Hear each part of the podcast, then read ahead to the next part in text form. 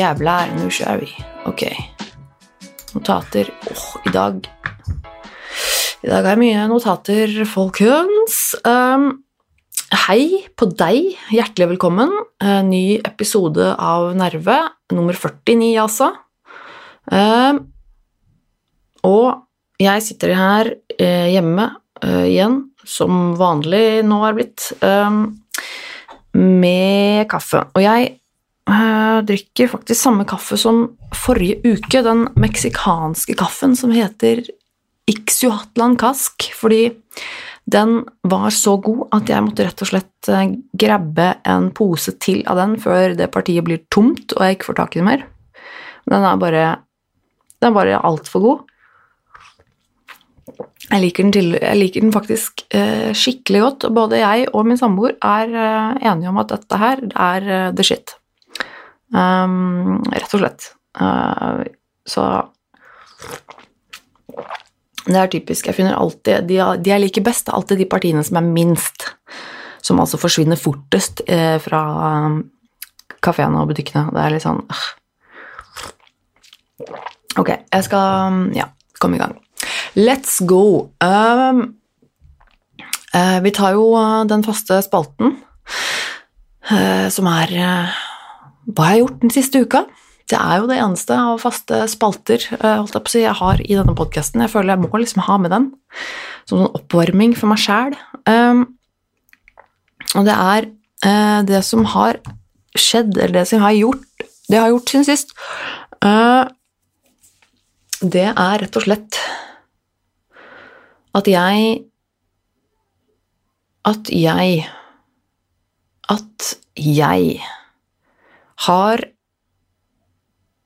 Jeg har vært eh, Hvorfor stoppa det i hodet mitt nå? Nå må du se på notatene her. Ok uh. Jo da, ok, la oss bare begynne. Jeg, uh, jeg har vært på date. Det sa jeg jo til dere deg forrige uke, at jeg skulle på en date til med en fyr jeg har truffet en gang. Nå, uh, mens jeg sitter her nå på onsdag, eh, så har jeg faktisk vært på to dater med denne fyren. Eh, siden sist, altså det blir da tre dater til sammen, ja. Så jeg har hatt min tredje date med denne fyren. Uh, og det var, siste var i går. Jeg var hjemme hos han, og vi hadde det hyggelig og bare hang, egentlig, og det var veldig ålreit. Utrolig avslappa og lite komplisert fyr, og det er veldig deilig. Masse til felles, og går liksom aldri tom for ting å prate om. Og jeg, både han og jeg er liksom veldig nysgjerrig på hverandre og har alltid masse ting å spørre om og snakke om, og det er veldig gøy. Så det var hyggelig.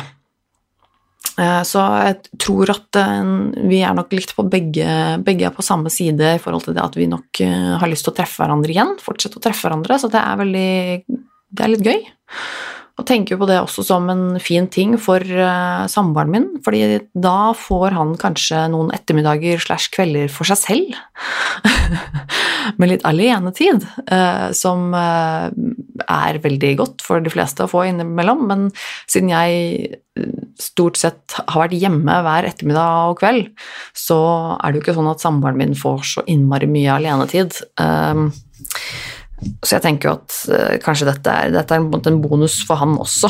Uh, det at han da kanskje får litt tid til å bare være for seg sjæl når jeg er hos min date. Uh, nå må jeg også bare få understreke at jeg syns, uh, jeg syns han fyren jeg dater, er veldig ålreit. Jeg liker han veldig godt.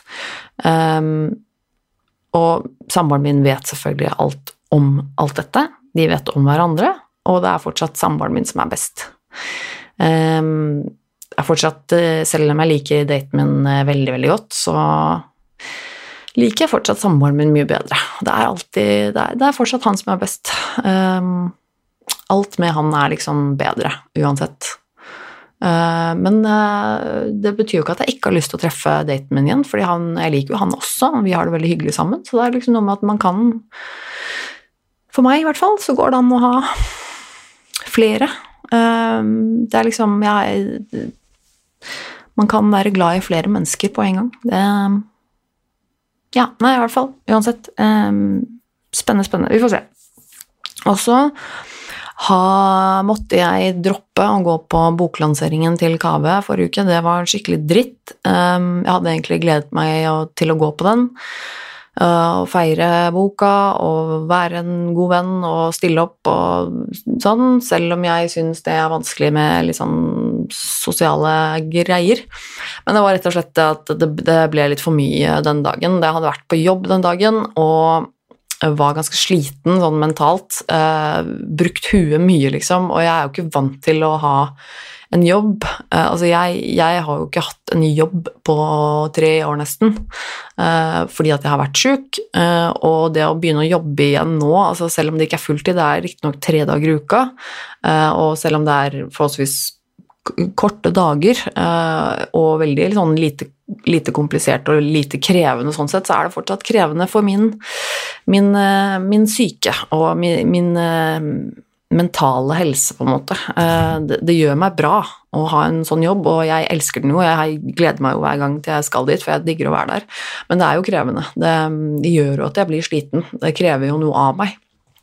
Sånn at Og det å da etter, og den dagen var jeg liksom sliten, og det har vært litt sånn vanskelig med mat og sånne ting, som også gjør at jeg blir litt påvirka, liksom. Blir litt, kanskje litt ekstra sliten. Uh, og da, når jeg da skulle på en boklansering hvor det var liksom typ utsolgt og sånn kom tidlig fordi det blir mye folk, type opplegg, uh, så merka jeg at det, det, tror jeg faktisk ikke jeg klarer i dag. Uh, jeg, jeg var Nei, jeg var for sliten og litt for utslitt uh, mentalt til å, til å, takle det og til å um, hygge meg med det. Uh, så det er noe med det at jeg Jeg syns det var veldig kjipt uh, å ikke dukke opp. Jeg syns det er forferdelig å måtte melde avbud på ting som jeg egentlig har lyst til når jeg føler meg dårlig.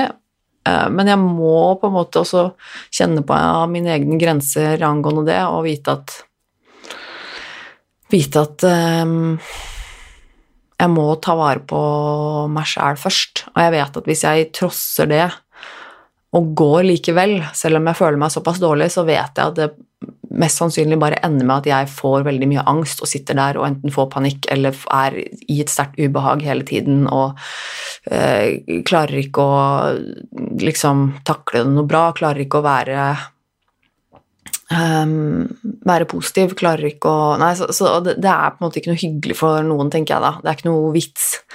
Da er det egentlig bedre at jeg bare dropper det, selv om det er dritt for, for meg sjæl òg.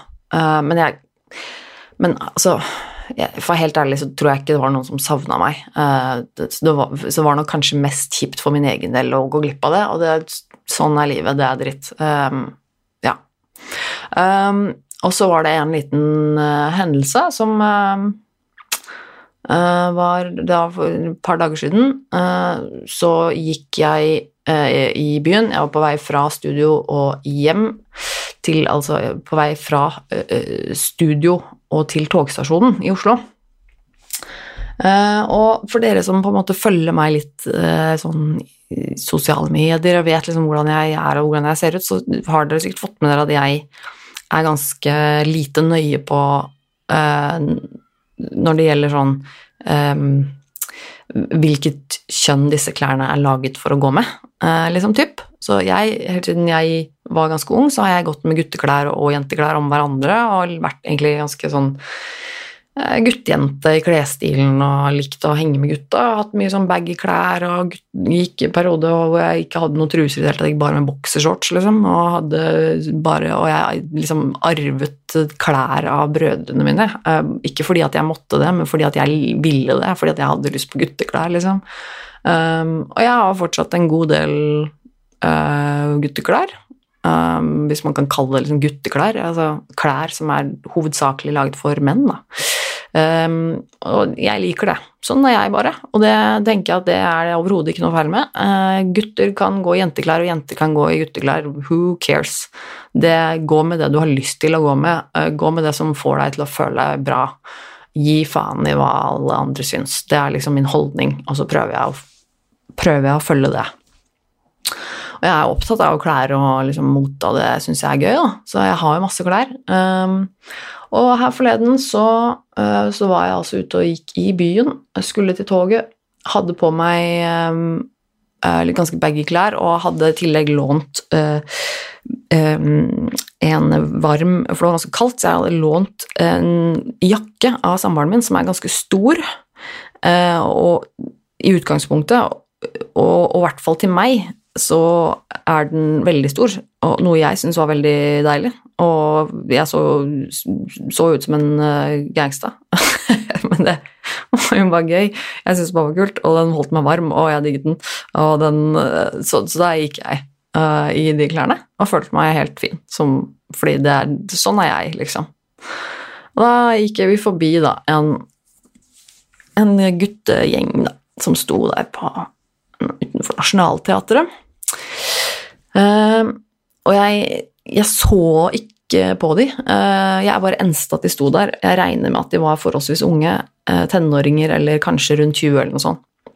En liten gjeng med, med gutter som sto der, og som da begynte å eh, rope eller kommentere til meg da, da jeg gikk forbi.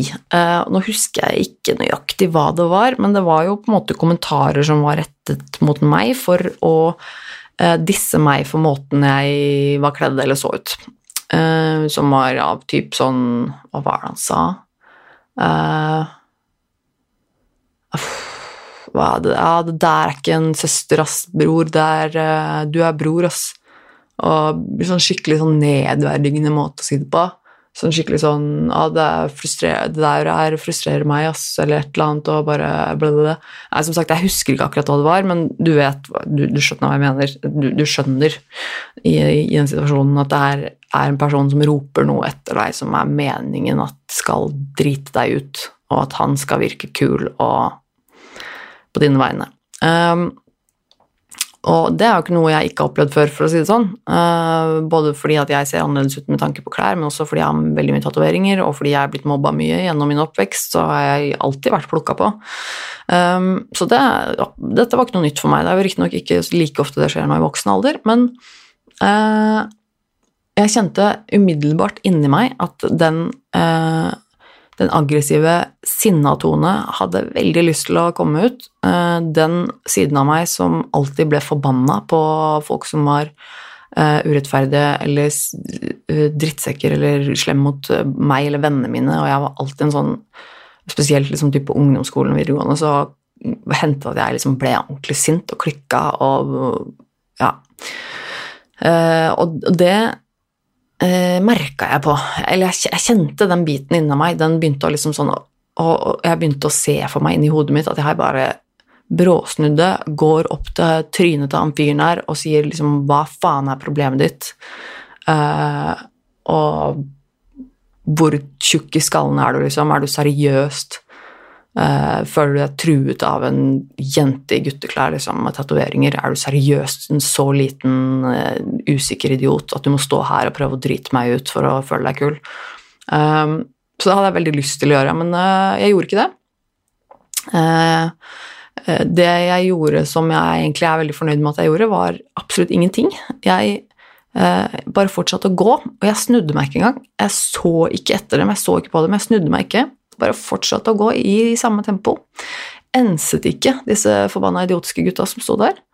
Um, og så tenker jeg på det etterpå, at jeg egentlig, jeg er glad for det.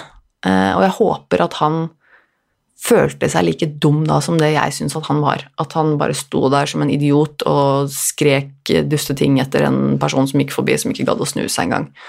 Uh, foran alle kompisene sine, liksom. Um, jeg bare tenkte faen, for en jævla taper. Fordi det der er bare så Det er bare så jævlig idiotisk om å skulle rakke ned på andre for å føle seg kul. Og sån, sånne ting frustrerer meg veldig. Det Men eh, ja, så det, så det. Jeg klarte å holde meg fint i skinnet. Um, rett og slett blitt et vokst menneske, ikke verst. Men Um, så ja, jeg har vært på jobb, og jeg har gjort ditt og datt. Uh, fortsatt på jobb uh, tre ganger i uka, og nå har de i tillegg begynt å gi meg uh, assignments. Altså oppgaver, tegneoppgaver og designoppgaver.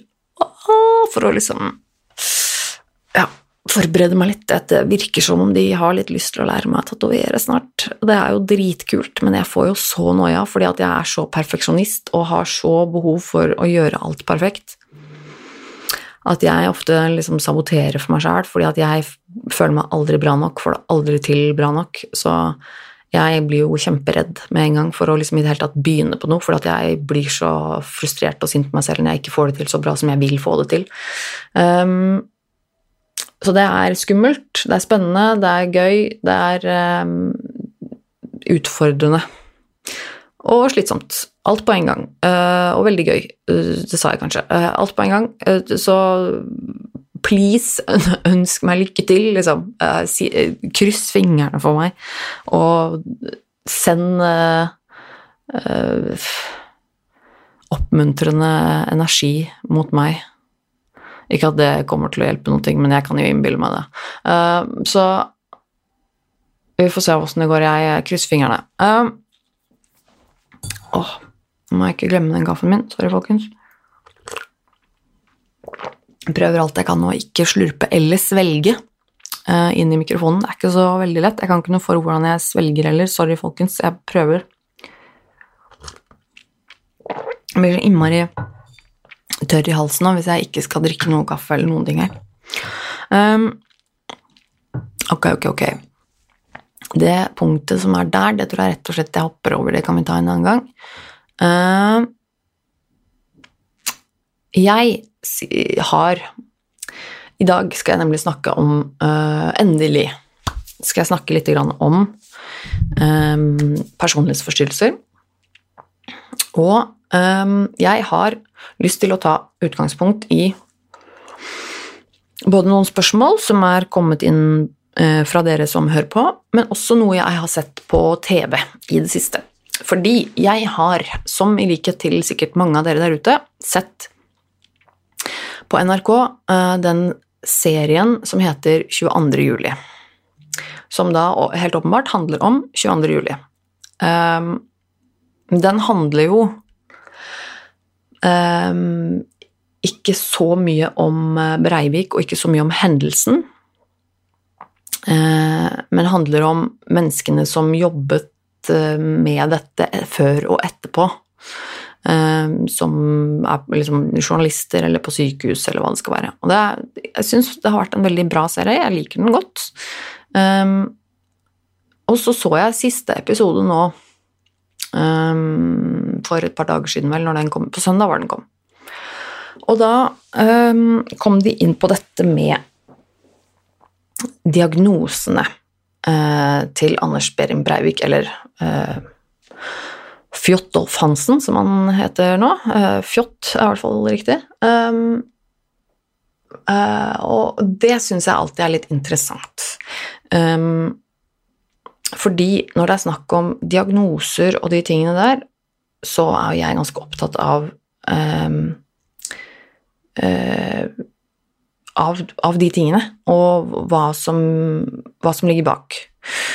Og det som er litt fascinerende, som også blir tatt opp i denne slutten av denne episoden, for da er det snakk om rettssaken, og det er snakk om um, disse um, sakkyndige som skulle gjøre en uh, vurdering av om han var tilregnelig eller ikke. Um, og det var jo mye fram og tilbake på det der. Uh, det var jo litt sånn Først så sa de at han hadde paranoid schizofreni, noe som jeg uh, ut fra det lille jeg vet, da, uh, vil si meg enig i at var feil. Um, og så gikk det litt fram og tilbake på det, og så var det jo noen nye sakkyndige som tok tak i det, og så tror jeg vel på et vis de havnet på at, um, så vidt jeg har forstått, så uh, ble det vel mer eller mindre konkludert med at han hadde personlighetsforstyrrelser. Og det er ganske interessant. Og det vil jo si at i utgangspunktet I utgangspunktet så har Anders Behring Breivik og jeg samme diagnose. Det er ganske interessant.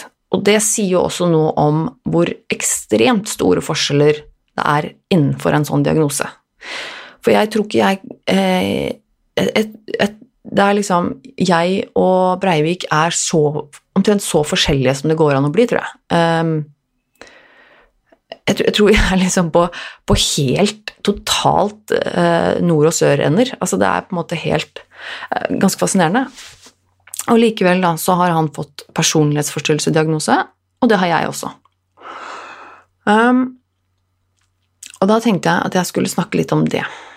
Fordi um, jeg mener jo det er et slags ganske godt bilde på, på, de, på, på, hvor store forskjellene kan være innenfor en diagnose, og spesielt en så kompleks diagnose som det personlighetsforstyrrelser er, for det er, ganske, det er ganske komplekst. Det er ikke alltid så lett å forstå, det er ikke alltid så lett å forklare heller. Um, men det er jo sånn at jeg har også snakket om dette her litt før. Ehm, blant annet gikk jeg gjennom det her ganske nøye i den episode nummer ti, som heter personlighetsforstyrrelse. Der gikk jeg jo gjennom dette med personlighetsforstyrrelse litt generelt også. Men personlighetsforstyrrelse handler jo om ehm, et, eh, en dysfunksjon i din fungering av din personlighetstrekk, på en måte. Og du kan se for deg Hvis du ser for deg Du, du har sikkert hørt om uh, disse Big Five-testene, den personlighetstesten hvor man kartlegger ens personlighet. Det fins jo så mange av disse. Uh, og, og, hvis du ser for deg at det er på en måte det det er, det blir en slags kartlegging av personligheten din. for vi har jo alle mange av de samme trekkene, men i mer eller mindre grad. Så man kan si at det er noen som er veldig ekstroverte, noen er veldig introverte eh, på den samme skalaen, ikke sant. Eh, for da har du den ene, ene enden av skalaen har du ekstroversjon, andre har du introversjon. Og så har du åpenhet for nye erfaringer, f.eks. Hvor, hvor uh, nysgjerrig man er på å lære noe nytt. Man har liksom, uh, Om man er veldig rutinemenneske, eller om man liker å være veldig impulsiv, uh, spontan og sånne ting som det. Om man er veldig nevrotisk og har mye, mye bekymring, eller om man rett og slett er veldig avslappa og ikke tenker så mye på, på bekymringer og um, og alt dette her, og så videre, og så videre. Og alt dette her er jo aspekter ved vår personlighet. Alle disse tingene er jo på en måte det vi som mennesker har i mer eller mindre grad. Ehm, det er det vi kaller personlighetstrekk.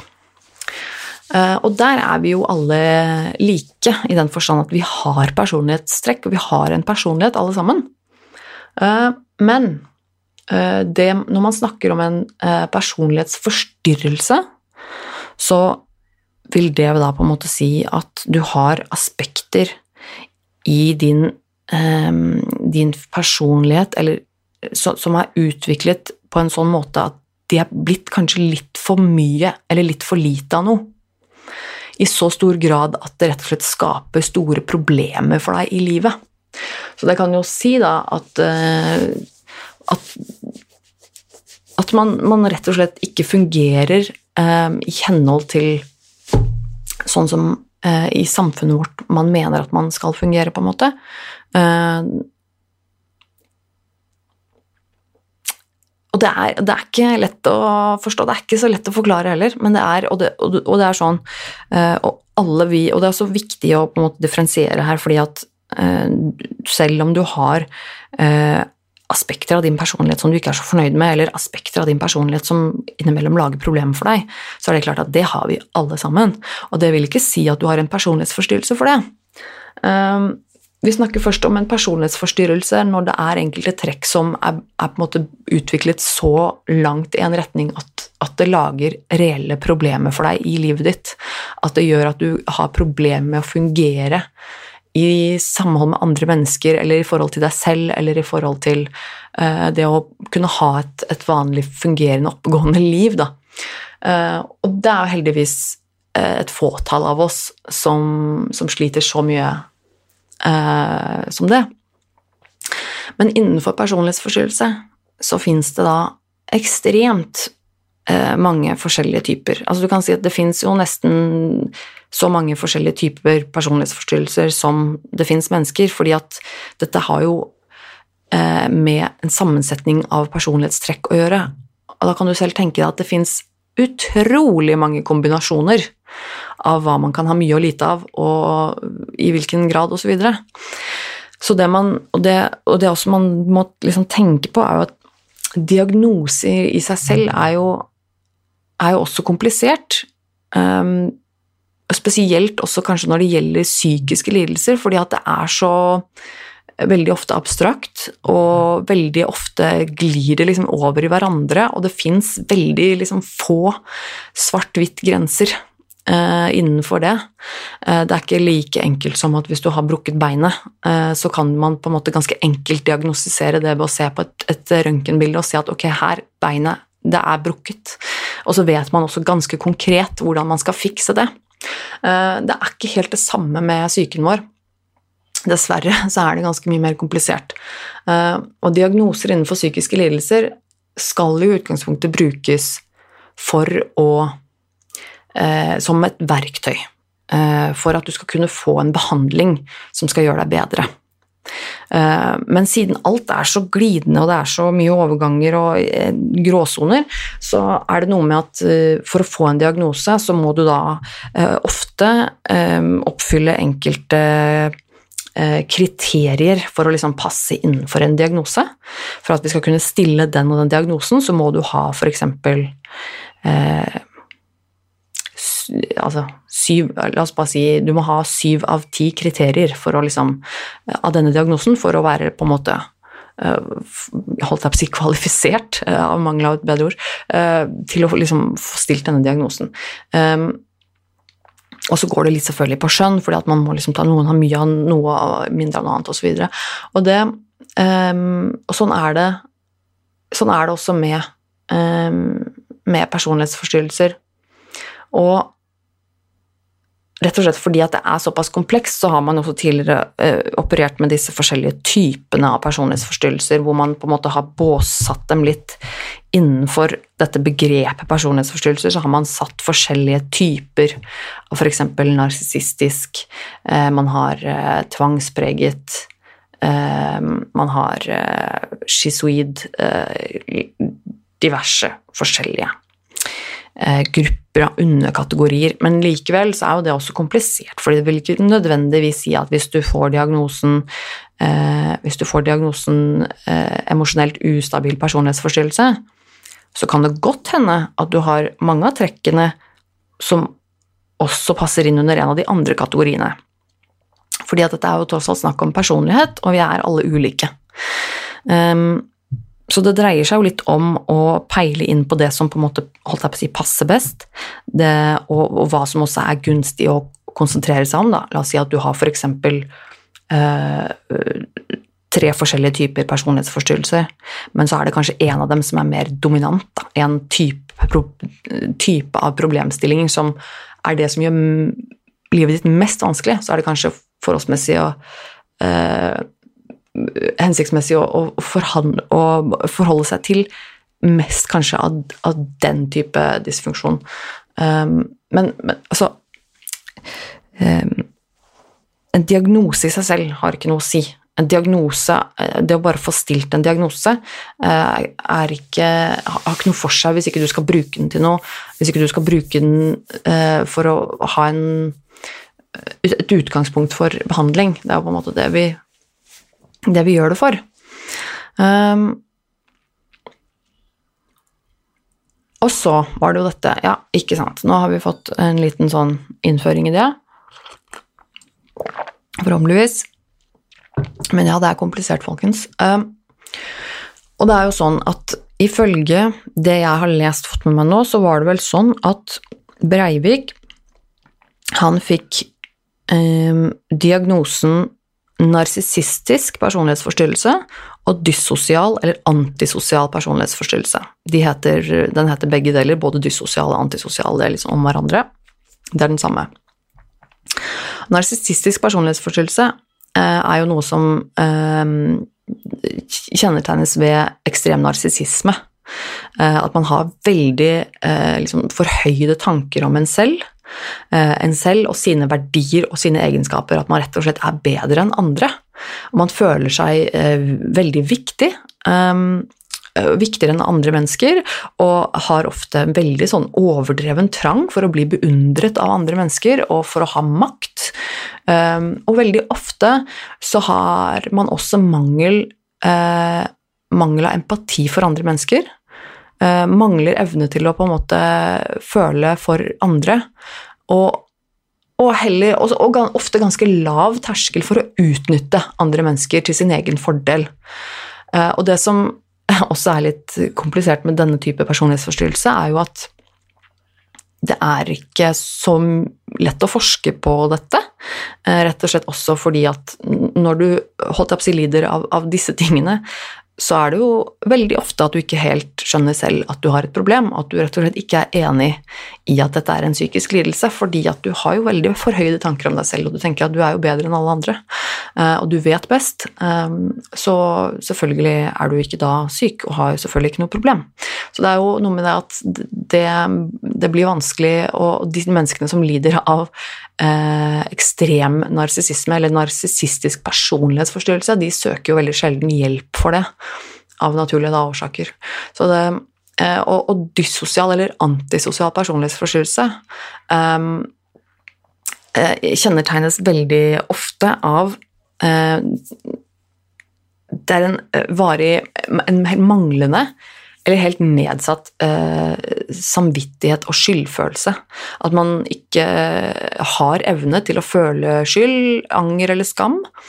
Um, og man føler har ikke evne til å føle ansvarlighet om man er kanskje for egne handlinger og sånn, og, og, er ofte veldig eh, impulsiv og ofte også har aggresjonsproblematikk. Um, ofte er det også sånn at man ikke er enig i eh, f.eks. samfunnets regler og normer og lover.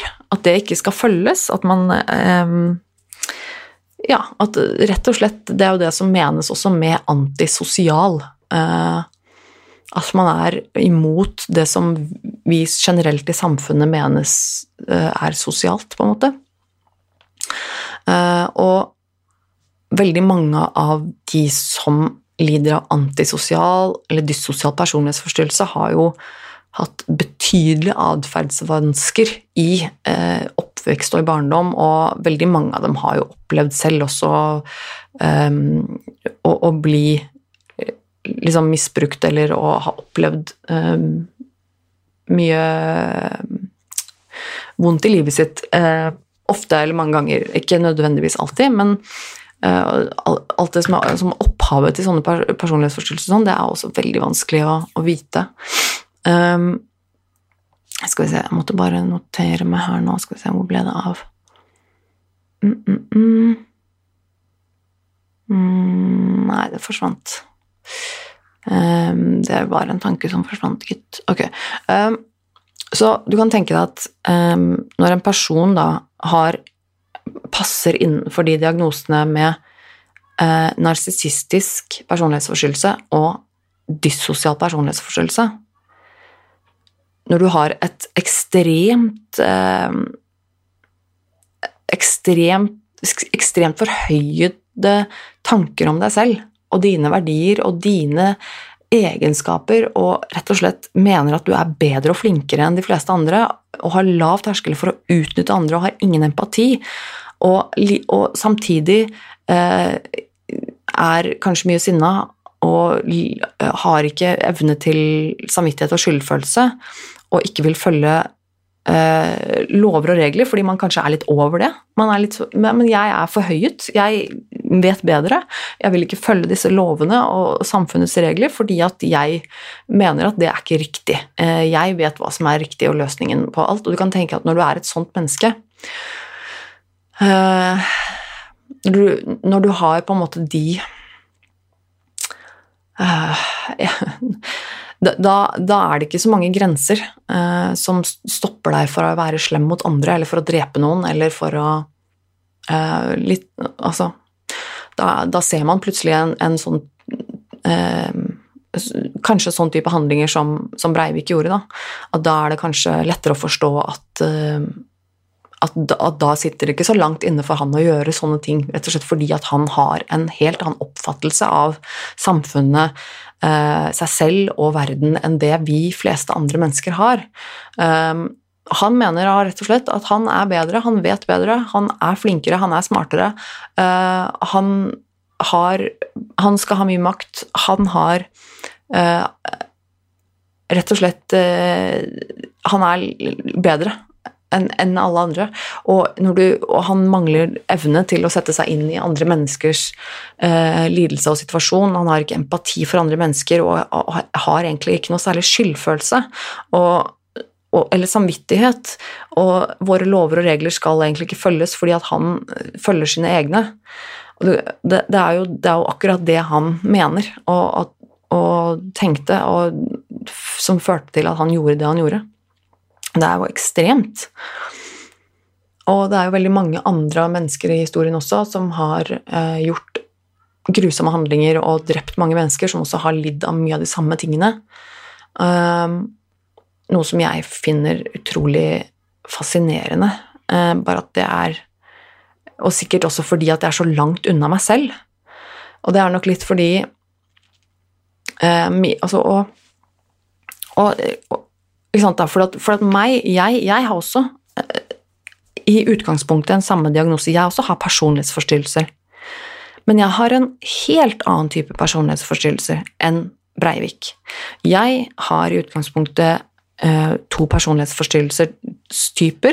Eh, den som heter emosjonelt ustabil personlighetsforstyrrelse, eh, eller også kalt borderline personlighetsforstyrrelse, og den som heter tvangspreget personlighetsforstyrrelse det er de som på en måte som kjennetegner og som dekker de fleste av, av det meste av min problematikk i personligheten min, um, og det som jeg har slitt mest med. Og det er jo altså borderline, eller emosjonelt ustabil personlighetsforstyrrelse, um, kjennetegnes av et, og, og et mønster med uh, en ustabilitet i mellommenneskelige relasjoner, ofte. At man har vanskeligheter for å opprettholde en god relasjon til andre mennesker over lengre tid. Um, går ofte fordi at man, man sliter litt med svart-hvitt-tenking og sliter litt med å uh, tilknyt, tilknytning til andre mennesker, og uh, det går ofte på ens um, selvbilde og emosjoner at det er vanskelig å tolke andre mennesker og deres intensjoner uh, i forhold til en selv. At man tenker at 'men jeg er ikke verdt noen ting', 'jeg har ikke noen verdi i meg selv'. Da er det vanskelig for en å forstå uh, og tolke andre menneskers mening. Uh, man er ofte, ofte veldig impulsiv. Mye impulsivitet og sterke emosjoner som er vanskelige å Eh, regulere, i form av at det ofte kan være selvmordsforsøk eller suicidale tanker. Um, selvskading og selvhat. Uh, og mye sinne, ofte vanskelig for å liksom takle veldig sterke følelser som det. Da. Og har mye sterke og intense følelser. Um, og det er mange av de som har den, den lidelsen, som også har opplevd traumatiske hendelser i sin barndom. Eh, og som har i oppvekst og barndom som har da preget hvordan de har slitt med å tilpasse seg mennesker rundt seg, og tilknytning til andre mennesker, om det er omsorgspersoner, og om man kanskje har mangel av omsorg og ikke helt skjønner at man har en egen verdi, um, og ofte også kan være mye av de samme tingene som man lider av hvis man har posttraumatisk stresslidelse, kan også ha mye av de samme Altså det er mye Kan ofte henge sammen den andre tingen er jo eh, tvangsprega personlighetsforstyrrelse, som jeg også har slitt mye med. Og det er Det er rett og slett det å være eh, så opptatt av regler og detaljer at det går utover en produktivitet. Um, lite spontanitet, og det at man, man mister, uh, mister lett helheten i det man holder på med. uh, fordi man blir så opphengt i regler og detaljer. Og uh, gjerne kanskje unngår å jobbe i team med andre fordi man mener at andre er uforsiktige eller inkompetente. Ikke noe jeg, liksom, og det kan jeg kjenne meg igjen i, men ikke nødvendigvis fordi at jeg tenker at andre inkompetente eller uforsiktige som en stygg ting. Det er heller mer det at jeg, jeg kan liksom ha følelsen av at ja, jeg, jeg, må gjøre det selv, fordi at jeg må gjøre det på min måte. Hvis de andre gjør det, så blir det ikke gjort på den måten som jeg føler at det må gjøres på. Ikke fordi at de ikke er flinke, eller fordi at liksom de er dumme, eller noe sånt, men bare fordi at jeg trenger å ha den kontrollen. Um, og det er det også altså, Man setter svært høye krav til seg selv og til andre ofte også, og kan bli veldig kritisk uh, både til meg selv og andre hvis disse kravene her ikke innfris. Og man er veldig redd for å gjøre feil ofte, uh, og kan ofte derfor ha vanskelig for å ta avgjørelser. Uh, fordi man er så redd for å gjøre feil, og kanskje da overlater det til andre, eller foretrekker at andre mennesker tar avgjørelser. Da. Eh, men samtidig kan ha et eh, veldig sterkt behov for kontroll. Å og gjøre ting riktig og gjøre ting på ens måte. Ofte svært samvittighetsfull. Og, og, og, og, tar ofte veldig mye kritikk hvis, hvis noen blir gjort feil. Og um, ofte et sterkt behov for rutiner. Og det er litt sånn Og det, det, her er ting jeg kjenner meg mye igjen i, og som, som også har vært vanskelig for meg. Uh, og som igjen har spilt på det med at jeg sliter med å forholde Eller har slitt i relasjoner til andre mennesker, fordi at da også, på grunn av det tvangspreget jeg har i min personlighet da, som jeg har slitt med, så har mine krav til meg selv det har også på en måte smittet over på andre mennesker. Så jeg setter et slags krav til menneskene rundt meg om hva jeg forventer, som kanskje ikke stemmer overens med det de forventer. Eh, og så blir det eh, så blir det på en måte en, en dissonans der. Eh, det blir feil, på en måte, og jeg klarer ikke da å, å tolke andre mennesker. Jeg klarer ikke å Um, og så tar jeg ofte det på meg selv, og fordi at jeg har veldig dårlig selvbilde, så uh, blir den kritikken ofte retta innover, og at jeg er veldig kritisk til meg selv. Veldig sint på meg selv. Um, føler meg aldri bra nok. Sliter veldig med å um, Med å, å, å, føle at det jeg gjør, er bra nok. at jeg er flink nok, at jeg er smart nok, at jeg har, har vært nøye nok. Um, så mye at jeg noen ganger liksom knebler meg selv. Og så mye at jeg ofte er redd for å gjøre noe, fordi at jeg Som for eksempel det jeg snakket om nå med, med jobben min, At jeg får en oppgave um, Får en oppgave på jobben, en tegneoppgave, en designoppgave, så blir jeg nesten uh, så redd for å ta tak i det at jeg nesten ikke klarer det, fordi at fordi at jeg setter så høye krav til meg selv. At, eh, at, de, blir, at de, blir, så høye at de er helt uoverkommelige. At det, at det, er ikke mulig for meg til slutt å, å, gjøre det riktig. Og da blir det til slutt sånn at jeg bare må gi det opp. At jeg rett og slett bare må Nei, men jeg, jeg kan ikke gjøre det. For uansett hvor bra jeg gjør det, så er det ikke bra nok. Og det er virkelig en forferdelig følelse. Um, og, er, og, og, da gjelder det på en måte så mye i livet.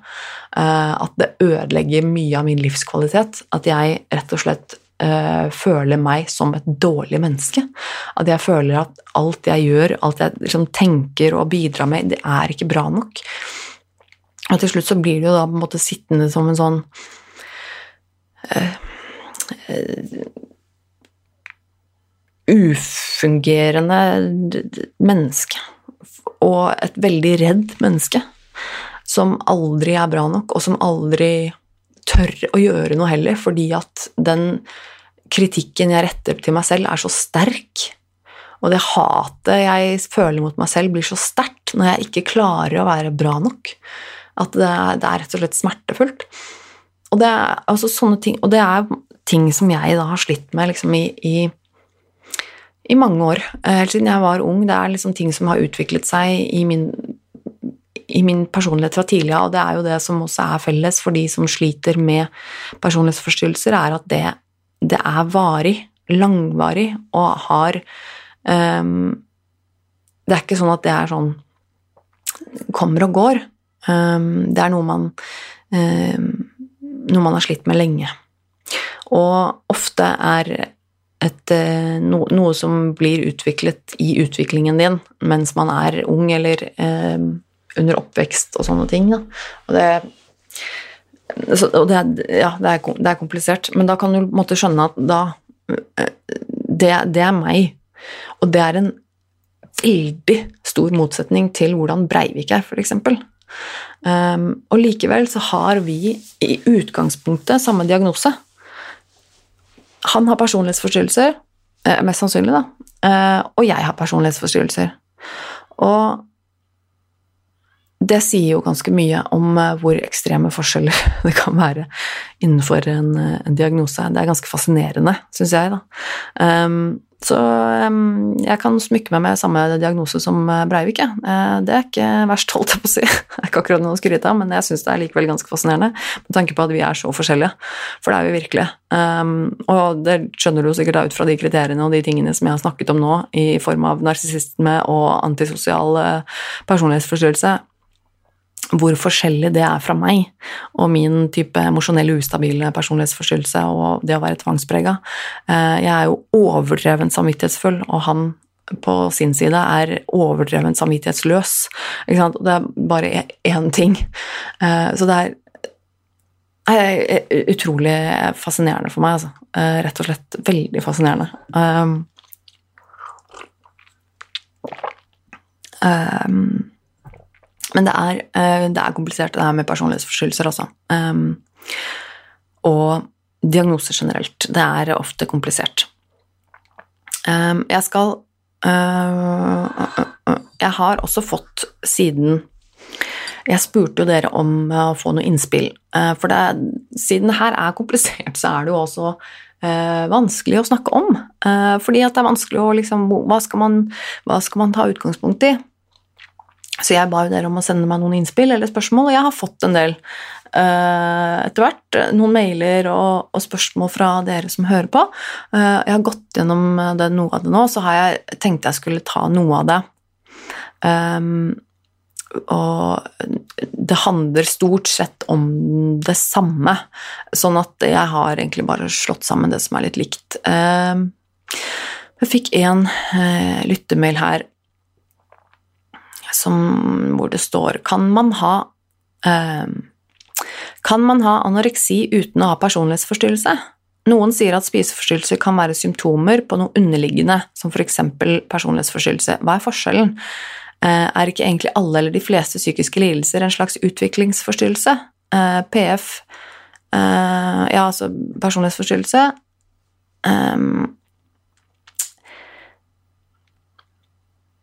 Um, Eh, sorry hvis Dumt spørsmål, bare tanke For slik jeg forstår det, er, det jo, er jo PF en utviklingsforstyrrelse, en forstyrrelse på utviklingen av personligheten, identiteten, hvem man er, at man tenker og føler på spesifikke måter fordi personligheten, utviklingen ble forstyrret av ting som skjedde, eller at man ikke fikk tilstrekkelig emosjonell støtte, hjelp med følelser, tanker, opplevelser osv.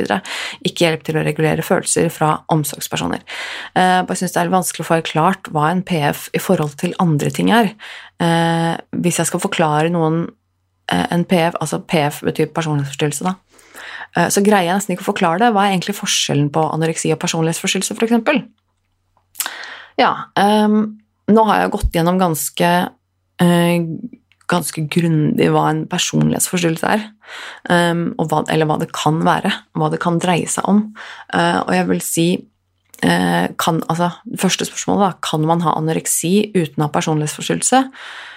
Um, mest sannsynlig ja, så kan man det. Um, anoreksi er en helt annen type diagnose enn det en personlighetsforstyrrelse er. Anoreksi handler jo om eh, mat, eh, om eh, hvordan man føler seg i forhold til kroppen sin, og det å um, spise lite, unngå å spise for å gå ned i vekt eller for å ha kontroll på vekt og skade seg selv og de tingene der. Når det er sagt, så er det nok helt sikkert mange som har en personlighetsforstyrrelse eh, i bunn som, eh, som, eh, også lider av spiseforstyrrelser, som for eksempel det gjør jo jeg. Jeg har en personlighetsforstyrrelse i bunn som um, som har vært det hovedproblemet mitt. Um, og jeg, som en slags reaksjon på det og mye annet, utviklet jo spiseforstyrrelser. Så for meg så For meg så ble det Å, herlighet, unnskyld, jeg må drikke litt kaffe. Um, for meg og for veldig mange så handler jo spiseforstyrrelser om en slags regulering og mestring. av uh, en smerte. Um, men det går an å Du trenger ikke nødvendigvis ha en personlighetsforstyrrelse selv om du har en underliggende smerte som du ønsker å regulere. Uh, da snakker jeg om psykisk smerte. Um, jeg kjenner personlig um, mennesker som har spiseforstyrrelser eller anoreksi, men som ikke har diagnosen personlighetsforstyrrelse. Men vedkommende har kanskje opplevelser um, og andre følelser da, som er så vanskelige å takle at uh, vedkommende utviklet en spiseforstyrrelse eh, som følge av det. Eh, og det Man trenger ikke nødvendigvis ha en personlighetsforstyrrelse for det, um, men noen har det. Altså, jeg har personlighetsforstyrrelse og utviklet spiseforstyrrelser, mens noen har det ikke i bunnen. Um, Eh, eller skal vi se, hva var spørsmålet? Hva forskjellen? Er ikke egentlig alle eller de fleste psykiske lidelser en slags utviklingsforstyrrelse? Nei, det vil jeg ikke si. Um, personlighetsforstyrrelser er jo Du kan si det er jo en, en Det er jo en, en, en utviklingsforstyrrelse i en sånn måte at det er uh, en slags um, forstyrrelse i hvordan min personlighet ble utviklet. Eh, av mange ulike årsaker. Men f.eks. angst eller depresjon er jo også en psykisk lidelse. En diagnose, eh, men det trenger ikke nødvendigvis ha noe med din utvikling eller personlighet å gjøre. Eh, mange mennesker, faktisk veldig mange av oss, har jo perioder i livet hvor man, hvor man er deprimert. Veldig mange mennesker også har perioder hvor man har angst, eh, men ikke nødvendigvis at man har utviklet eh, har, noen noe utviklingsforstyrrelse eh, på grunn av det. Mange mennesker har en, en har vokst opp i og utviklet seg i kjempefine omgivelser og er oppegående, friske, normale mennesker som ikke har noen psykisk lidelse. Eh, og som ikke har eh, opplevd noe feil i sin utvikling, men som likevel kan eh, ha en periode hvor man får mye angst. Kanskje det har skjedd noe som gjør at man får en angstreaksjon, eller at man opplever noe som gjør at man blir deprimert, eller så, så, nei, jeg vil nok kanskje ikke si at de fleste psykiske lidelser er en utviklingsforstyrrelse. Det mm, vil jeg kanskje føle at ikke er helt riktig. Um, mm, mm, hva mer var det sto her? Det sto um, uh, Hva er forskjellen på Ja, ikke sant. Så uh, jeg skjønner at det å forklare en personlighetsforstyrrelse kan være litt vanskelig, men etter å ha hørt denne episoden, så håper jeg at det kanskje blir lettere. Um, og da kanskje også det er litt lettere å forstå hvorfor det er forskjell på personlighetsforstyrrelse og anoreksi, eksempel. Um, mm, uh, hvordan er det Ok, Neste spørsmål. Hvordan er det for en med personlighetsforstyrrelse mest hensiktsmessig at en partner forholder seg til svingninger, eh, utbrudd, eh, deevaluering og Evaluering og deevaluering, ja. For det er jo noe som er vanlig hvis man har spesielt emosjonelt ustabil personlighetsforstyrrelse, som jeg også har slitt mye med, så er det jo ofte dette med i forhold til andre mennesker, det at man, man svinger veldig fort mellom eh, bra og dårlig, eh, svart-hvitt, eh, enten-eller, eh, og det også gjelder følelser man har til andre mennesker, at det kan veldig fort svinge mellom det å uh, like mennesker og ikke like mennesker. Altså samme menneske. At du kan nettopp det å deevaluere og ev uh, evaluere mennesker. Um, og det er litt sånn Og det, det, kan komme ganske brått. Det kan være utbrudd, det kan være kjappe svingninger. Um, hvordan det hvordan det for en mest hensiktsmessig at en partner forholder seg til svingninger, brudd og devalinger, utbrudd? Det er vanskelig for meg å si, eh, for det er jo alle mennesker er jo forskjellige, og alle som har personlighetsforstyrrelser, er jo også forskjellige. Så det er jo veldig vanskelig for meg å si hvordan beste er og måte å takle det er på. Um, det er liksom det, det, kommer så an på personen og hvem man er, og hva man sliter med, og um, så jeg syns det er litt vanskelig å si. Uh, har du noe har du noe mistet noen du i etterkant angrer på, eller ser at ville vært en ideell livspartner, eh, men med dine vansker har gjort det umulig med en gjenforening?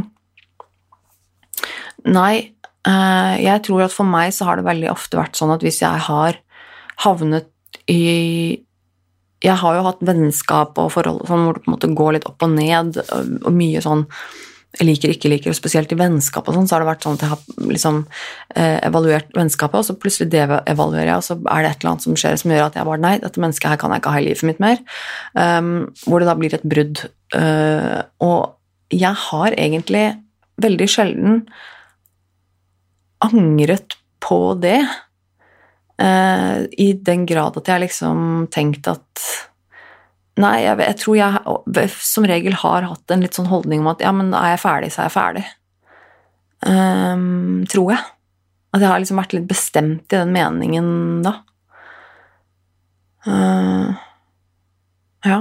I prosesser der en devaluerer og trekker seg bort, uh, skaper eventuelt brudd, vil det å forholde seg rolig og gi avstand være den beste strategien for deg til å kunne føle at denne personen er der, og at du kan finne støtte og kjærlighet i denne personen. Oi, ja um, Jeg er jo Ja, altså så Ok, så hvis jeg på en måte da Hvis det skjer et eller annet som gjør at jeg devaluerer, enten om det er en venn eller kanskje et forhold, da, hvis det skjer Ja, og om du da burde gi meg avstand forholde seg rolig og gi avstand, er det den beste strategien for meg å kunne føle at den personen er der og finne støtte og kjærlighet? Nei, for meg er det nok litt omvendt, tror jeg. Eh, jeg er Jeg er liksom um, generelt litt sånn redd for å miste folk. Um, og jeg tror nok det også er mye av grunnen til at jeg At det er litt sånn enten-eller, på en måte. At jeg nok kanskje um, beskytte meg selv ved å enten da kvitte meg med folk først, før de gjør det, uh, eller at jeg tviholder fordi at jeg absolutt ikke vil miste vedkommende.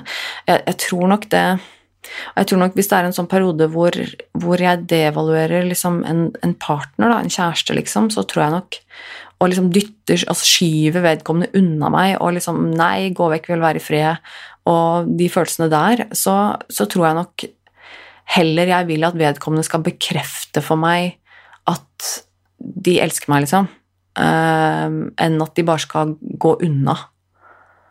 Uh, og gi avstand, fordi at jeg tror nok da i så fall at hvis de gir meg avstand, så bekrefter de i så fall bare det at ja, men da er det avstand som er riktig, da, for da vil du ikke være sammen med meg. Kan jeg tenke meg at, nok, at for meg, da, for min del, at det nok kanskje hadde vært um, det som hadde skjedd da, da på en måte jeg skyver deg unna som en Det blir jo på en måte en slags test også, altså helt underbevisst, da.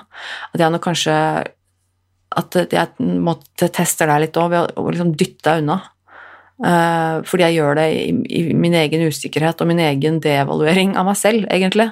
Og at jeg dytter deg unna og liksom sier nei, gå vekk, uh, orker ikke mer, vil ikke. Uh, og hvis du da på en måte sier nei vel, ok, da skal du få det rommet.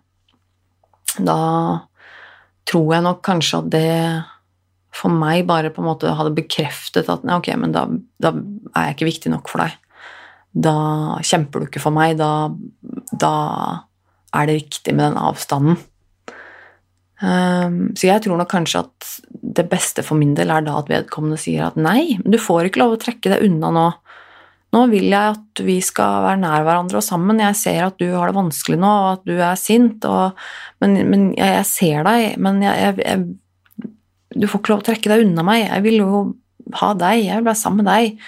Eh, selv om det her er vanskelig, og selv om altså, at, at, det er kanskje da jeg trenger den bekreftelsen, tror jeg. Men det er vanskelig å si. Um,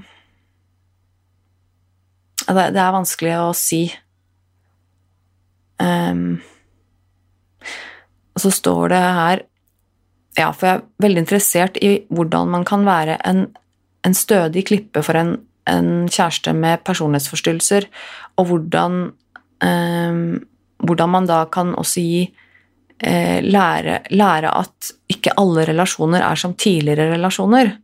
Ja, for min erfaring er at eh, kjæresten min som har PF, altså personlighetsforstyrrelse, blir frustrert når jeg ikke reagerer med sinne på stygge kommentarer, men at jeg kanskje blir såret, men forholder meg rolig, og samtidig vet jeg at et sinneutbrudd fra min side bare vil eskalere. Ja, og sånn, ja. ja fordi det blir jo litt det samme som det jeg var inne på nå, at da eh, kjæresten min har personlighetsforstyrrelser og blir frustrert av at jeg ikke reagerer med sinne på stygge kommentarer. Ja, ikke sant? Fordi at det blir jo den devalueringen. At da kjæresten din som har personlighetsforstyrrelse, blir kanskje sint og devaluerer deg og samtidig seg selv. Skyver deg unna, blir sint. Um, og et slags utbrudd der, så Og kanskje forventer en reaksjon. At hun blir frustrert av at du ikke reagerer med sinne. Ja, fordi at hun kanskje prøver å provosere noe ut av deg, og prøver å, å vekke noen følelser der. Vekke en bekreftelse. Hvis du blir sint over at du sier stygge kommentarer, så kanskje det bekrefter at du bryr deg Nei, jeg vet ikke. Det er, det er vanskelig. Det er, veldig, det er, veldig, vanskelig, og det er helt umulig for meg selvfølgelig å snakke på hennes eller hans det står ikke her, men uh, hennes eller hans vegne. Det, det, går på en måte ikke for meg. Um, men hvordan man kan være en stødig klippe for en med personlighetsforstyrrelser, og det Uff. Det er, det er vanskelig. Men jeg merka jo det at det jeg trengte aller mest i det forholdet jeg har, da, altså i sam samboeren min, han jeg er sammen med nå, Um, noe av det første jeg merka med han som jeg kjente at jeg trengte i forhold til min problematikk, da, det var at jeg, uh, jeg trengte å føle at han tålte meg. Jeg trengte å føle at han ikke ble redd eller skremt bort de gangene jeg ble sint eller skadet meg selv eller devaluerte meg selv eller han eller hva som helst eller sa at nei, det kommer aldri til å funke eller noe sånt. At han ikke lot seg skyve unna. At han ikke lot seg knekke av det. Eh, at liksom min frustrasjon og mitt sinne, det, det er stort sett rettet mot meg selv. Det er stort sett grunnet til det at jeg sliter med meg selv og er sint på meg selv. Og at det ikke skremte han bort. At han tålte å stå i det sammen med meg, var vel det jeg trengte. Um, fordi tidligere, tidligere forhold, både liksom vennskap og, og, kjærlighetsforhold, så har jeg nok følt at jeg skremmer folk vekk. Eh, at jeg, eh, mitt temperament og mine følelser er for sterke for folk å takle. At de blir redd for det, at de blir redd for følelsene mine. Uh, ikke nødvendigvis at de er redd for at jeg skal skade dem eller bli så sint at jeg altså Ikke sånne ting nødvendigvis, men at, de, at, at det føles for mye for dem. At jeg har så sterke følelser og uh, at, at, jeg hater meg selv, eller at jeg føler trang til å skade meg selv, f.eks. Og det er selvfølgelig kjempetøft for en kjæreste å stå i det. Det er helt eh, åpenbart at det selvfølgelig er det vanskelig, men for noen så tror jeg det er for vanskelig. Ikke bare kjæreste, men også venner. Eh, og jeg har jo også oppdaget det med mine venner, at de til tider har meldt seg ut og sagt at liksom Men vi kan ikke være venner nå. Fordi at de har rett og slett ikke taklet eh, meg, eller visst hvordan de skal forholde seg til det, eller følt at, det, at jeg sikkert har vært kjempeurettferdig, at jeg har liksom Ja. Eh, og at det og det er selvfølgelig vondt for meg, for da, da, vil jo det på en måte bekrefte min antakelse om at det er ingen som tåler meg. Det er ingen som orker meg. Det er ingen som vil ha meg. Jeg er ikke bra nok, jeg er altfor sint, altfor lei meg, mine følelser er um, uh, for mye for folk. Um, så jeg, jeg, tenker at sånn, for min egen del så har det vært viktig for meg å føle at jeg um, At jeg kunne stå i mine følelser sammen med kjæresten min uten å, uten å dytte han unna uten å føle at han blir redd og løp. Uh, og selvfølgelig blir han påvirket av det. Han blir jo lei seg når jeg er lei meg. Og, og blir jo selvfølgelig påvirket av mine følelser, og når jeg har så sterke følelser og sånn iblant, så er det klart at det, han kommer jo ikke unna det, men det er noe med at han tar det ikke så innover seg på en så personlig måte at han knekker under det presset, da. Jeg tror nok det er det jeg har opplevd tidligere, at, uh, at, enten så blir venner eller kjærester så frustrerte og sinte at de bare ikke takler det, eller ikke vil, eller ikke orker, eller at de, liksom får, at de føler seg så dårlig selv, at de får så dårlig samvittighet, at de ikke klarer å takle det, eller at de ikke er bra nok for meg, eller at, jeg, at de ikke kan hjelpe meg, og at de rett og slett knekker litt under den tyngden. Men det er det jeg har merket liksom, med min samboer nå, at han, han takler meg, han tåler meg. Han Ehm, blir selvfølgelig lei seg på mine vegne, men han tar det ikke inn over seg. Og prøver ikke å bære det for meg. Han prøver heller liksom å, å støtte meg så jeg kan bære meg selv. Og det er, det er det som er det viktigste for meg. Um, det er det som i min erfaring i hvert fall har vært um, har vært viktig. Um, Bedring Hva er det som har vært vanskeligst? Hva er blitt bedre med personlighetsforstyrrelsene dine? Ja. Um, nei, de, de, tingene jeg sa nå, tror jeg det har vært det som har vært vanskeligst. Det med relasjonen til meg selv og andre mennesker er liksom hovedkjernen av det jeg uh, har slitt mest med. Mine følelser for meg selv, og hvordan det går utover meg selv og andre. Og jeg tror at for meg så har det vært en enorm hjelp i å gå i behandling og få en diagnose og få lære om den diagnosen, eh, lære om meg selv og hvordan jeg har taklet ting og takler ting. Og rett og slett åpnet øynene mine og lært meg å mentalisere. Eh, lært meg det å kunne se meg selv litt utenfra og se hele situasjonen utenfra. Og kunne skjønne hvordan jeg kan bli oppfattet av andre mennesker, og skjønne hvordan jeg oppfatter andre mennesker på en problematisk måte. Og, og det er vanskelig. Det, er, eh, det, det, krever ganske mye. Men jeg tror nok det er mye av det som er vanskelig for folk som har personlighetsforstyrrelser. Det er nettopp den, øh, den det perspektivet og det å kunne mentalisere da, rundt sin egen situasjon og andre eh, mennesker rundt seg og se det store bildet. Det er fryktelig vanskelig. Um, men jeg har blitt veldig mye bedre på det, og det har hjulpet meg utrolig mye. Og jeg tror nok det har vært en, en, en, viktig nøkkel for meg i min bedring. Og jeg sier jo ikke at jeg er frisk, jeg er jo ikke det, men jeg har blitt veldig mye bedre fordi at jeg har blitt klar over akkurat de tingene jeg har snakket om i dag. Jeg har blitt klar over at jeg har et mønster med at jeg går mellom å devaluere og evaluere relasjoner til andre mennesker, og, eh, og, og hvordan min selvfølelse har påvirket meg og måten jeg tenker om meg selv og oppfører meg i forhold til andre mennesker, og hvordan de tåler meg og ikke tåler meg, og Eh, mine tvangspregede greier, hvordan det har skapt problemer for meg, hvordan mine krav til meg selv, også mine krav til andre mennesker rundt meg, bare ikke stemmer med virkeligheten, på en måte. Det, det, å, det å være klar over det har jo alt å si. Det er liksom For jeg har jo gått alle, alle årene i mitt liv og liksom aldri aldri visst det.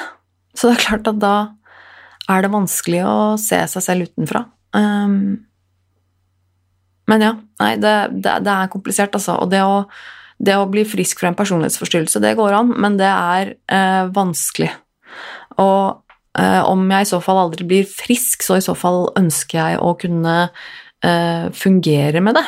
At jeg kan kunne leve med det Uh, leve et godt liv med det og kunne takle det på en sånn måte at jeg kan leve et godt liv, da, for det har det jo ikke vært for meg, så har det vært så vanskelig at jeg ikke har vært oppegående uh, i meg sjæl, liksom. Um, og det er det, er, det, det er det, som er litt, litt dritt med personlighetsforstyrrelse, sånn sett, er at det er noe som er så grunnleggende i din identitet og fungering i, i personligheten at du, du, kan ikke bare ta en pille, da. Uh, depresjon og angst og sånn går det an å medisinere, f.eks. Um, eh, fordi at det er Det kommer mer av en en ubalanse i, i en ganske liksom fysisk sammensetning av kjemi i hjernen din også, av forskjellige stoffer i hjernen. Um, men det er ikke det samme når man har en personlighetsforstyrrelse, for det, man kan bli deprimert og få angst og sånn som, som, en følge av det, og man kan medisinere mye av de tingene der, uh, som er på en måte en, en slags over, over, overflateproblematikk, som det for meg har vært med angst og depresjon og, og de tingene der, fordi det på en måte kommer som en konsekvens av det som ligger under, for meg. Det det jo ikke det for alle, men for meg så har det vært sånn. Um, og uh, men personlighetsforstyrrelsene mine kan jeg ikke Jeg kan ikke medisinere de. For det går rett og slett i hvordan min, min oppfatning av verden har utviklet seg, hvordan jeg oppfatter meg selv, hvordan jeg oppfatter andre mennesker i forhold til meg, hvordan jeg reagerer på ting, hvordan jeg tenker om ting, hvordan jeg Mine, mine mønstre og mine vaner av å oppføre meg og føle på følelser. Og det, er, det, det går ikke an å medisinere. Det er rett og slett noe man må øve på å forandre, og det er dritvanskelig. Um, så det er, det er, noe med at Og det første, første, steget, tenker jeg, da, for å kunne forbedre noe med seg selv, er jo det å bli klar over hva som er problemet. Og, så Derfor så tror jeg det har hjulpet mye med meg, det med å få den diagnosen, det å gå i behandling og snakke om dette her, det å lese om det også har vært Å ha et litt åpent sinn. Um, det å rett og slett lære meg å se se meg selv og se situasjoner utenfra. Se flere perspektiver, se flere vinkler. Det har vært alfa og omega uh, for min del å kunne lære seg det, men det er vanskelig. Um, og det jeg øver på det fortsatt. Jeg er overhodet ikke utlært på noen som helst måte, i det hele tatt, men, men, for meg har det vært veldig vanskelig å, gå, å begynne å gå den veien. Det er, eh, det er veldig viktig. Det har vært veldig viktig for meg å, å begynne å, å, å lære det um, for å kunne skjønne meg selv og hvordan jeg er i forhold til andre mennesker. Og så er det noe med at selv om man har begynt å skjønne det, så er det ikke det å bare snu om på det. Selv om jeg vet at jeg sliter med mat, så er det ikke bare å begynne å spise. Det er liksom uh, Det er en jobb, det er en kon kon konstant um, utvikling og jobb over lang tid. Og det er en uh, veldig slitsom jobb. Ehm, jeg merker det selv. Jeg er eh, ganske utslitt til tider. Det krever mye hele tiden. Ehm, men sånn er det jo. Eh, og det er ikke min skyld. Det er også noe jeg har begynt å skjønne nå i voksen alder, at jeg Det er ikke min skyld at jeg er blitt som jeg er blitt. Det er ikke min skyld at jeg har en personlighetsforstyrrelse. Det er ikke min skyld at ehm, jeg sliter psykisk. Det er rett og slett uh, uflaks på mange måter, og en blanding av arv og miljø som gjør at jeg har de problemene jeg har. Og det er jo også um, Skal jeg nevne bare på slutten her nå at eh, jeg syns jo det også er viktig å huske på at um, man ikke er skyld i sin egen sykdom. At jeg, jeg, er ikke, jeg er ikke skyld i at jeg er blitt psykisk syk. Men jeg har fortsatt et ansvar for mine handlinger. Og det å fraskrive seg ansvar uh, tror jeg også er veldig usunt hvis man sliter psykisk. Uh, selvfølgelig skal man ikke påta seg for mye i form av at man um, i form av at man, man skal ikke skylde på seg selv. Og jeg, jeg, skal ikke skylde på meg selv for at jeg er blitt syk, men likevel så har jeg jo et ansvar. Fordi at det er jo sånn at Nei, det er ikke min skyld at jeg er blitt syk, men nå er det faktisk sånn at jeg er syk. Um, og så er det mitt ansvar å gjøre noe med det, eller ikke gjøre noe med det. Um, dessverre, på en måte. På mange måter så er det litt er det dumt. At jeg er den eneste som kan jobbe meg frisk fra psykiske lidelser. Um, og det er vanskelig, det er urettferdig og det er tøft, men sånn er det bare. Jeg kan få hjelp, jeg kan få veiledning, jeg kan få støtte, men i bunn og grunn så er det jeg som må gjøre jobben, og det er tungt. Og det er urettferdig, og verden er urettferdig. Det er rett og slett Det med u, altså rettferdighet er noe vi som mennesker har uh, skapt. Uh, det er et konsept som bare vi har funnet på. For, for, for, verden er ikke rettferdig. Det er, alt er tilfeldigheter. Og det at jeg er blitt syk, og det at noen ikke er blitt syk, det er, det er bare sånn det er. Det er urettferdig, men sånn er det bare. Og så må man bare forholde seg til det på en eller annen måte. Og jeg er nødt til å bare forholde meg til det at jeg er blitt syk, og så er det mitt valg om jeg vil gjøre noe med det eller ikke. Og jeg sier ikke at det er lett, det er, for det er det ikke, det er vanskelig, det er en jævlig dritt-tøff jobb. Men jeg tenker jo også at jeg har ansvar for mine handlinger, eh, og mine handlinger har konsekvenser en vei og en annen. Um, alt dette gjør meg jo litt frustrert også med tanke på det med Breivik, da.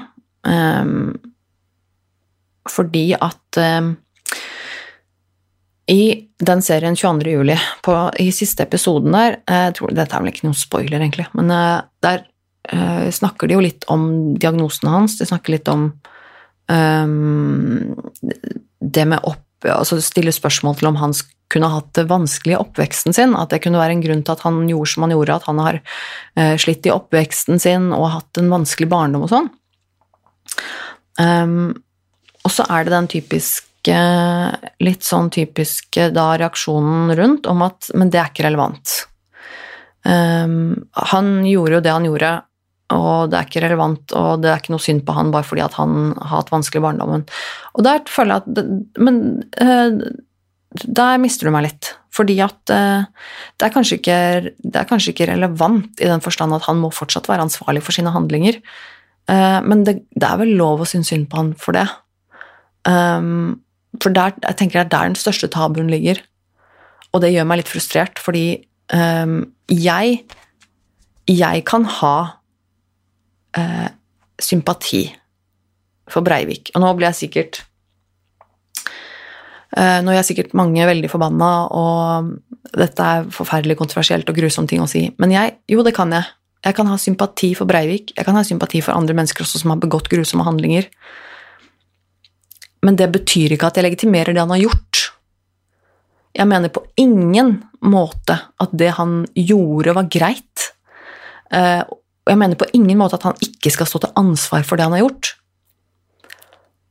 Men jeg mener at det er likevel lov til å ha sympati eh, og empati for et menneske eh, som kanskje har hatt en vond oppvekst, og som kanskje har hatt, opplevd mye vondt i livet, og som har lidd under eh, noe. Um, og jeg tenker at nå har ikke jeg Jeg har ikke fryktelig mye sympati. Um, jeg har ikke fryktelig mye sympati for akkurat for Breivik. Um, litt fordi at jeg syns det er fascinerende òg, men det er jo litt sånn det jeg var inne på, med det at uh, han er så narsissistisk og antisosial at uh, han skjønner på en måte ikke selv hvor syk han er. Um, det er ganske fascinerende. Men jeg tenker også litt mer generelt. Eh, det har jeg snakket om før også i denne podkasten, det med å ha empati for um, for mordere eller andre mennesker eh, som begår onde handlinger. At uh, jeg, jeg mener at vi må kunne skille personen fra handlingen. I den grad at man, man skal kunne ha lov til å ha empati for folk selv om de har gjort grusomme handlinger.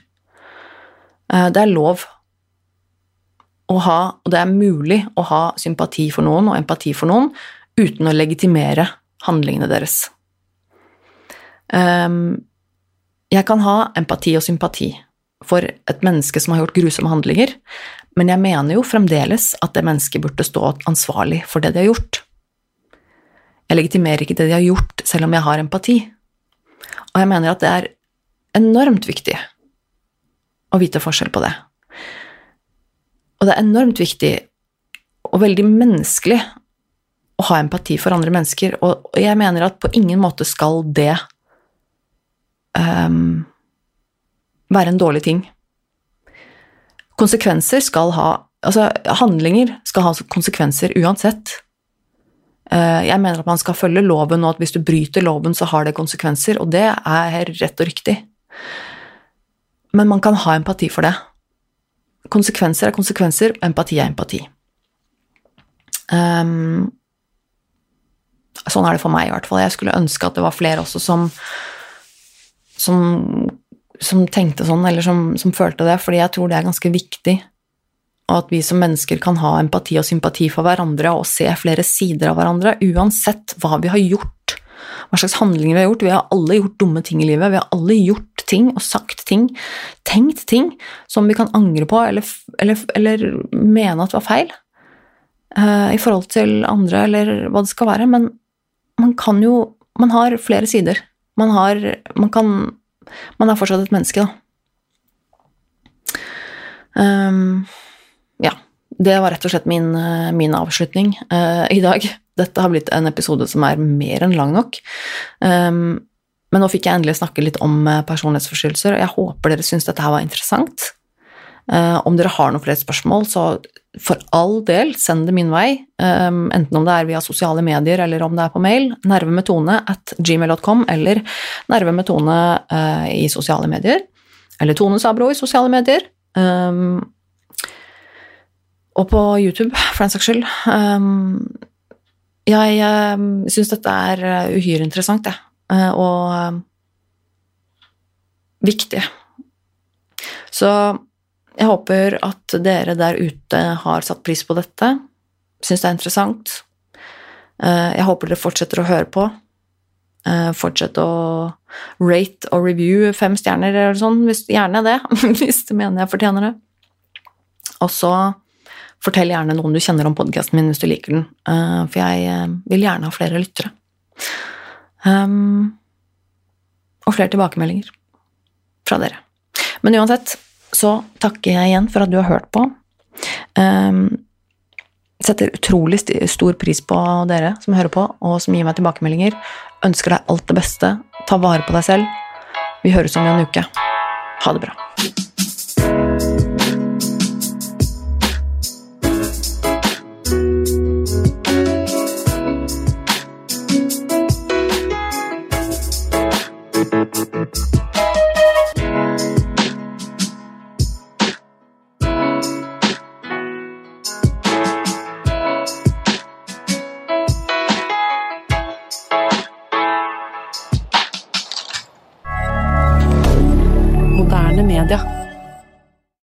Har du et enkeltpersonforetak eller en liten bedrift?